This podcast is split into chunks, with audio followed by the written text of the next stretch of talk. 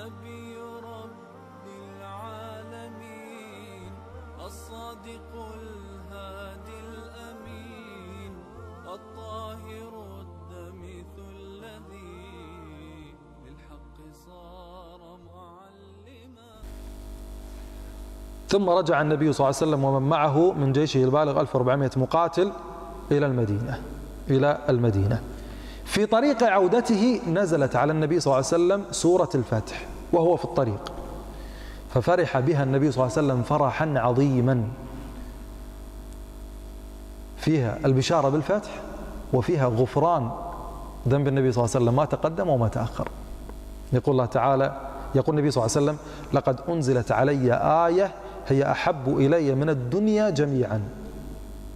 يقول الله تعالى إنا فتحنا لك فتحا ها؟ ما هو الفتح؟ لا الفتح أجمع الناس على أن المقصود بالفتح في هذه الآية صلح الحديبية. وراح أقول لكم الحين لماذا. ليغفر لك الله ما تقدم من ذنبك وما تأخر ويتم نعمته عليك ويهديك صراطا مستقيما. الوحيد من البشر هذا من خصائص النبي صلى الله عليه وسلم. الذي أخبره الله في القرآن أنه مغفور له ما تقدم من ذنبه وما تأخر. ولذلك في عرصات يوم القيامة ما هو دعاء الأنبياء؟ اللهم سلم سلم. والحديث الشفاعة الطويل اللي رواه البخاري وغيره ومسلم كذلك لما يأتون الناس إلى آدم يا آدم أنت أبو البشر اشفع لنا. يقول ماذا يقول؟ نفسي نفسي. يعني نفسي هي التي هي التي تستحق أن أشفع لها. خايف ما يدري. إلا النبي صلى الله عليه وسلم. ثم موسى يأتون وهذه من خصائص النبي صلى الله عليه وسلم. من خصائصه أن الله سبحانه وتعالى أخبره بالمغفرة وهو يمشي على أرض حيا عليه الصلاة والسلام. يقول الإمام الطحاوي أجمع الناس على أن الفتح المذكور في الآية إن فتحنا لك فتحا مبينا هو صلح الحديبية. لماذا صلح الحديبية؟ هو الفتح. ما فتح في الإسلام. فتح أعظم من فتح الحديبية. ركزوا معي. من بعثة النبي صلى الله عليه وسلم إلى صلح الحديبية من السنة السادسة للهجرة كم سنة؟ 13 سنة في مكة وست سنوات. 19 سنة. عدد جيش النبي صلى الله عليه وسلم أكبر جيش هذا يتجمع عنده في الحديبية 1400 مقاتل. خلينا ندخل معهم النساء والأطفال وخلينا ندخل معهم مثلا اللي في الحبشة جعفر بن أبي طالب. أنا راح أبالغ بالعدد خلينا نقول 3000 هم مو 3000 أكيد. 4000 5000 عدد المسلمين. 19 سنة من الدعوة عدد المسلمين كم؟ أنا قاعد أبالغ ها؟ خلينا نقول 5000 من الحديبية إلى فتح مكة ثمانية هجرية في رمضان سنتين فقط. من ستة إلى ثمانية سنتين. عدد الذين خرجوا مع النبي صلى الله عليه وسلم في فتح مكة للفتح عشرة آلاف مقاتل. في فرق ولا لا؟ سنتين عشرة آلاف مقاتل جيشه. وتسعة عشر سنة أكبر جيش يتجمع له 1400 فجهد سنتين أعظم ثمرة من جهد 14 19 سنة. ما الذي تغير؟ الذي تغير أن صلح الحديبية أوقف التشويش والتشويه من قبل قريش على المسلمين. ما عاد يتعرض لهم أحد الآن. فانطلق الدعاة في كل مكان يدعون الناس. بدون أي تشويش بدون أي معوقات. في السابق كانت قريش تشوش على المسلمين. أنهم فيهم كذا وفيهم كذا وأي واحد يطلع يبدعو يقتل ويعترض له صح ولا لا؟ وبصلح الحديبية حية قريش. بدأ الصحابة ينتشرون في كل مكان للدعوة بدون أي تشويش أو تشويه من قبل قريش أو مضايقة من قبل قريش. فدخل الناس في هذا الدين العظيم.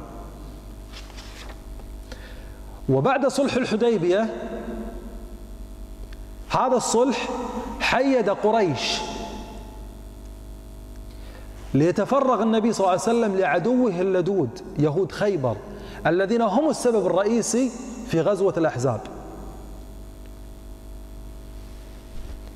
فقضى النبي صلى الله عليه وسلم على يهود خيبر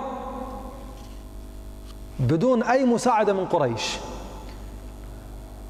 لولا صلح الحديبية لساعدت قريش يهود خيبر. بالسلاح والمال. فهذا أمر الحديبية ونتائج العظيمة التي ترتبت عليه من أعظمها فتح مكة. لما استقر النبي صلى الله عليه وسلم في المدينة بعد صلح الحديبية رأى عليه الصلاة والسلام أن الفرصة مواتية للدعوة خارج نطاق الجزيرة. فأرسل النبي صلى الله عليه وسلم إلى ملوك العرب والعجم. وكتب إليهم كتبا يدعوهم فيها إلى الإسلام قال أنس بن مالك كتب رسول الله صلى الله عليه وسلم إلى كسرى وإلى قيصر وإلى النجاشي وإلى كل جبار يدعوهم إلى الله. بعث النبي صلى الله عليه وسلم عمرو بن أمية الضمري رضي الله عنه بكتاب إلى النجاشي. النجاشي أسلم إحنا ذكرنا على يد جعفر بن أبي طالب فأقر بنبوة النبي صلى الله عليه وسلم. وبعث النبي صلى الله عليه وسلم دحية ابن خليفة الكلبي الذي كان جبريل دائما يتشكل بصورته بكتاب إلى قيصر ملك الروم يدعوه إلى الإسلام. فخاف واهتز من النبي صلى الله عليه وسلم ولم يسلم. وبعث النبي صلى الله عليه وسلم عبد الله بن حذافة السهمي رضي الله عنه بكتاب إلى كسرى ملك الفرس يدعوه إلى الإسلام. فغضب ومزق كتاب النبي صلى الله عليه وسلم. فدعا عليه النبي صلى الله عليه وسلم بأن يمزق الله عز وجل ملكه. واستجاب الله عز وجل دعاء النبي صلى الله عليه وسلم وبعث رسول الله صلى الله عليه وسلم حاطب بن أبي بلتعة رضي الله عنه بكتاب إلى المقوقس ملك القبط يدعوه إلى الإسلام. أقر بنبوة النبي صلى الله عليه وسلم لكنه لم يسلم. وأكرم رسول النبي صلى الله عليه وسلم وأرسل مع حاطب هدية إلى النبي صلى الله عليه وسلم.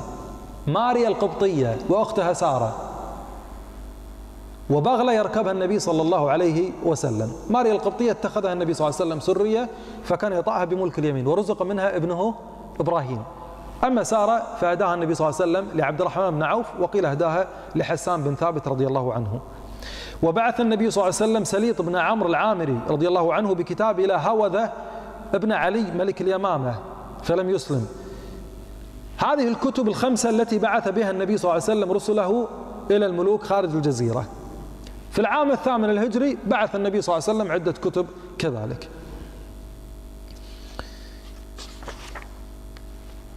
قبل غزوة خيبر بثلاث أيام وقعت غزوة عظيمة هي غزوة ذي قرد وتسمى غزوة الغابة. وكان بطل هذه الغزوة سلمة بن الأكوع رضي الله عنه.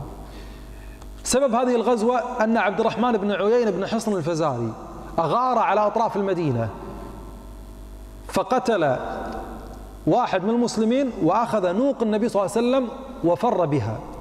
لحقهم سلمة بن الأكوع رضي الله عنه على قدميه.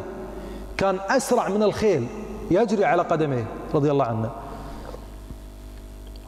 على كل حال استطاع أن يدركهم. وصل خبر النبي صلى الله عليه وسلم فصرخ النبي صلى الله عليه وسلم الفزع الفزع الفزع الفزع فترامت خيول المسلمين إلى النبي صلى الله عليه وسلم.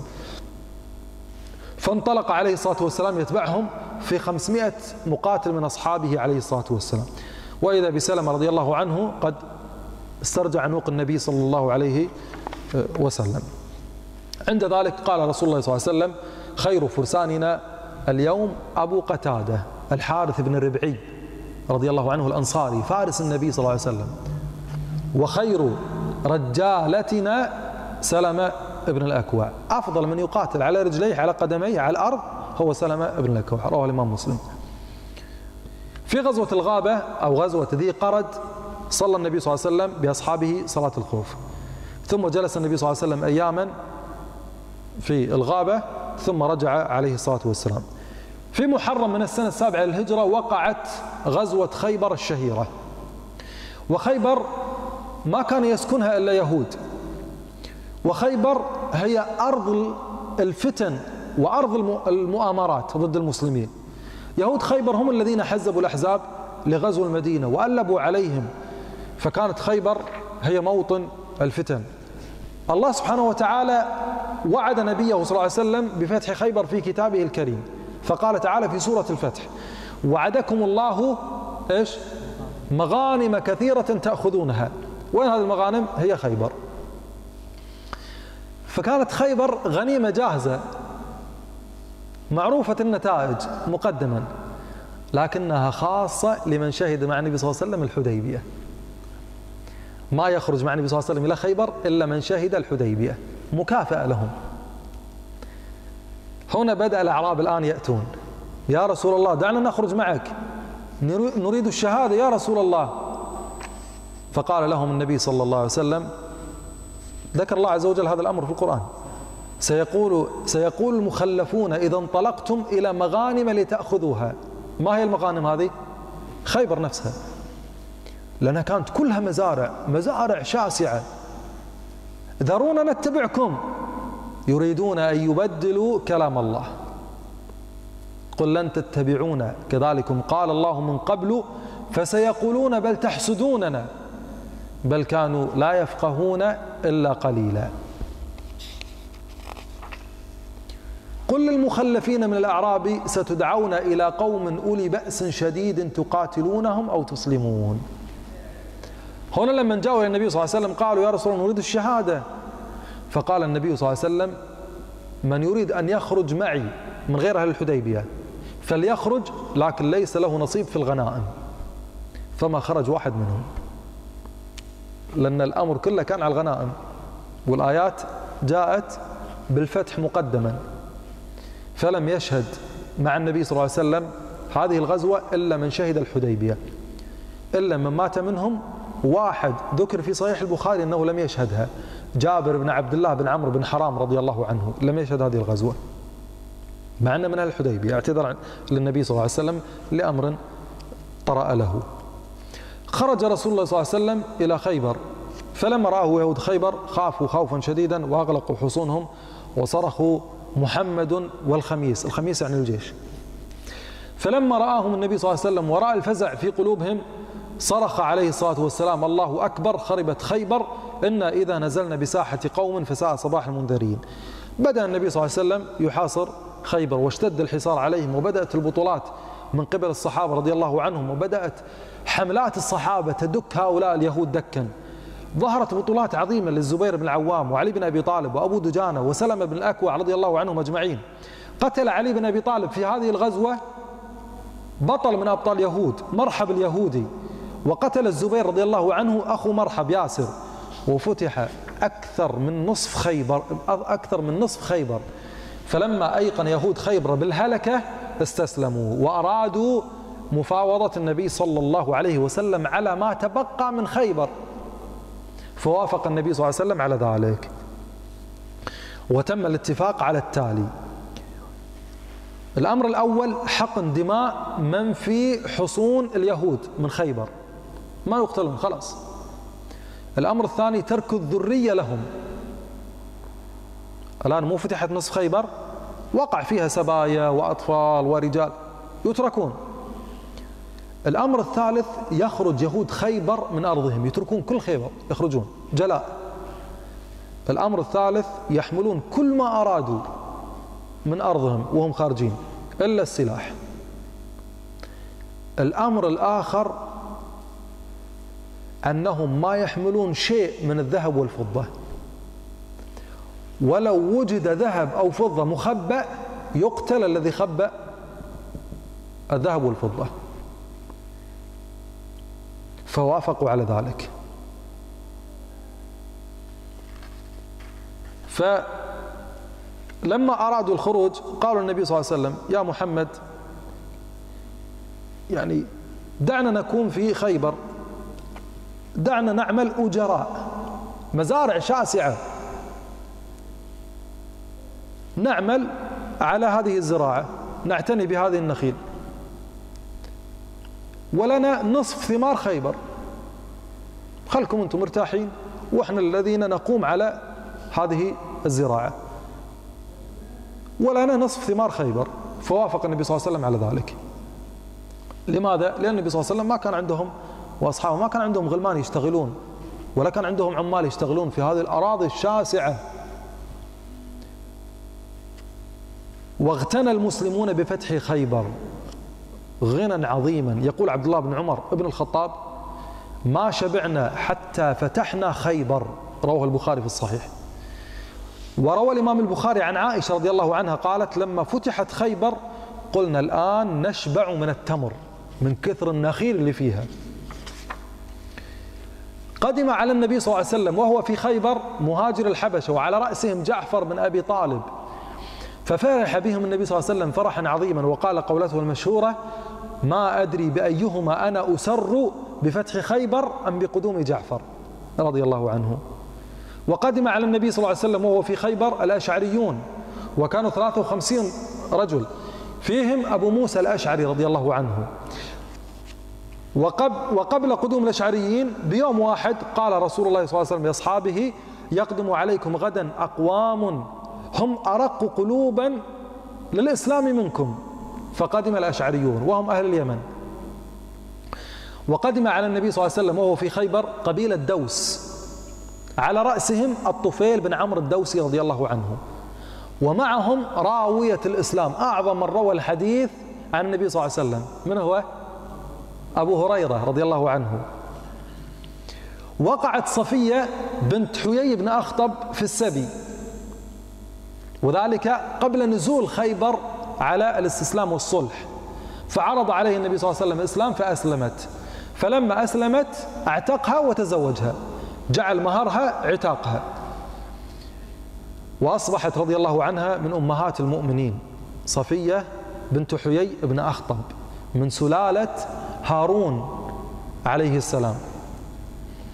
فلما انتهى النبي صلى الله عليه وسلم من أمر خيبر جاءت زينب بنت الحارث اليهودية بشاة مسمومة للنبي صلى الله عليه وسلم. وكانت قد سألت أي عضو نحب النبي صلى الله عليه وسلم؟ قالوا هو يحب لحم الكتف عليه الصلاة والسلام. فأكثرت السم في هذا الموضع. وقدمته النبي صلى الله عليه وسلم كوليمة. فأول ما أكل النبي صلى الله عليه وسلم ومعه الصحابة أول ما أكل لقمة قال عليه الصلاة والسلام ارفعوا أيديكم إنها مسمومة.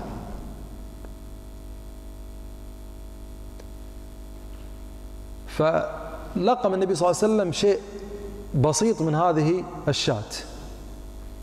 بشر بن البراء بن معرور. البراء بن معرور أبوه هو الذي أول من بايع تذكرون؟ بيعة العقبة الثانية الأنصاري.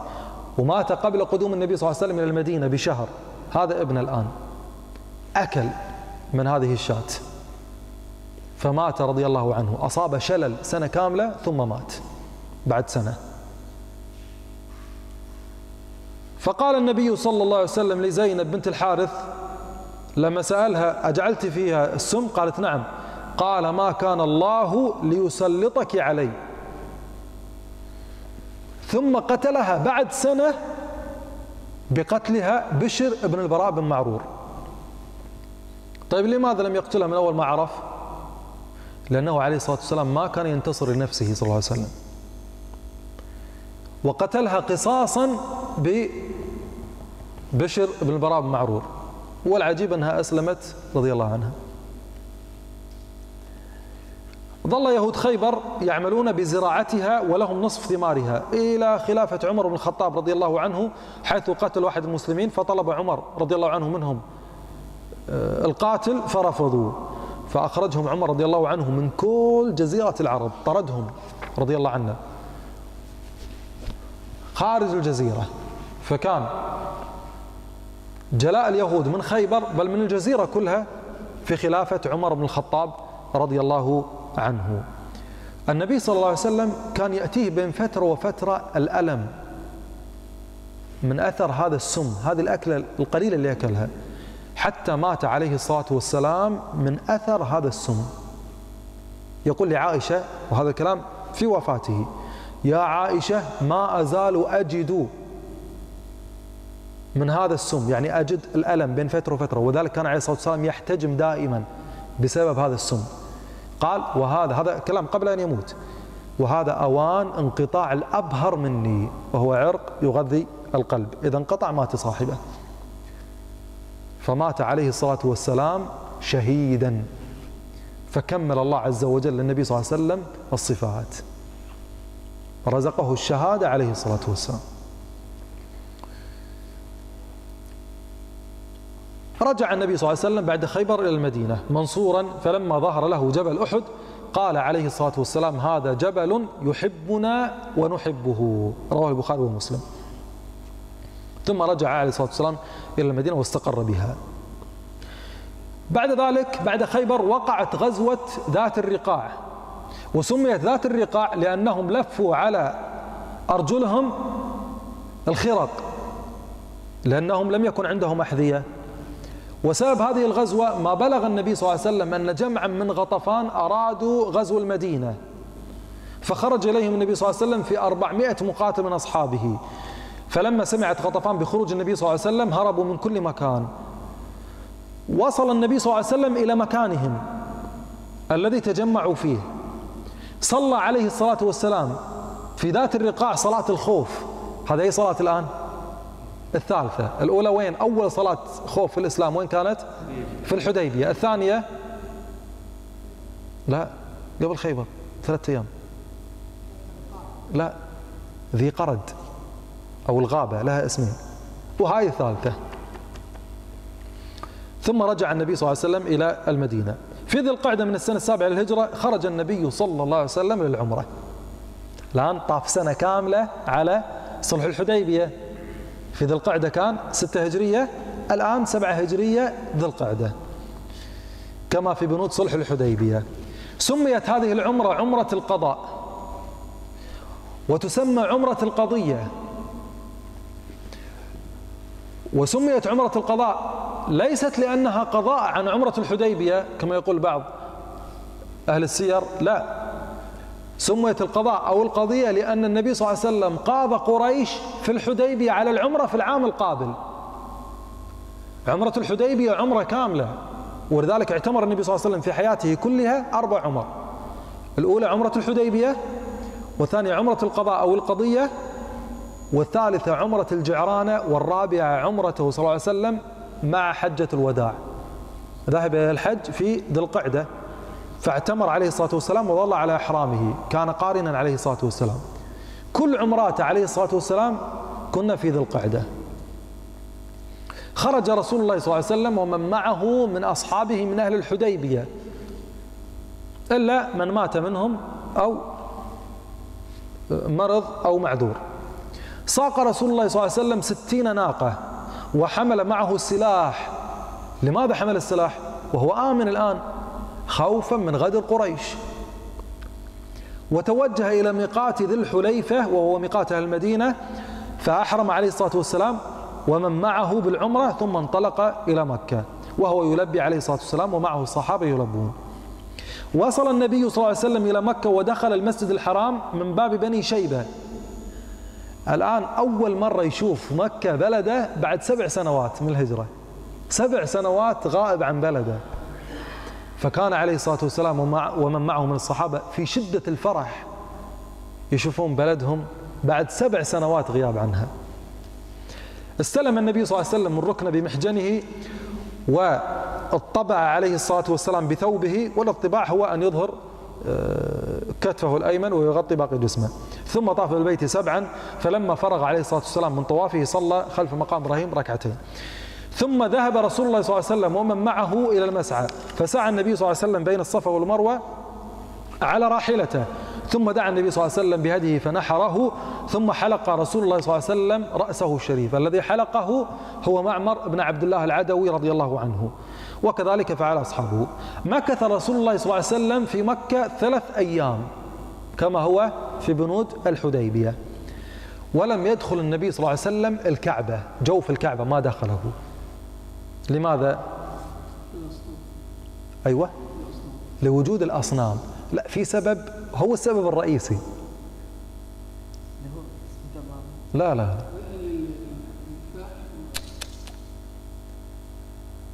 طيب دخول الكعبة داخل هل هذا من شروط الحديبية؟ ها؟ مو من شروطها من شروط الحديبية تجي تسوي العمرة ثلاث أيام تقعد توكل على الله. ما هو من شروط الحديبية؟ الدخول. لو ذاكر لهم أن يدخل الكعبة كان يسمحوا له. واضح؟ وبعض آه، أهل العلم قالوا لوجود الأصنام لكن الصحيح أنه ليس موجود كان في صلح الحديبية بنودة أن يدخل داخل الكعبة. وأضف إلى ذلك الأصنام موجودة كذلك. بعد ثلاثة أيام خرج النبي صلى الله عليه وسلم وأصحابه من مكة. بعد أن أقاموا فيها ثلاثة أيام. فلما وصل النبي صلى الله عليه وسلم إلى منطقة سرف سرف بكسر الراء. سرف. أقام بها.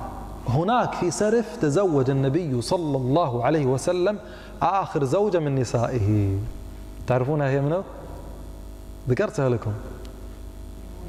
أيوة ميمونة بنت الحارث رضي الله عنها في منطقة سرف. وهي آخر زوجة تزوجها النبي صلى الله عليه وسلم.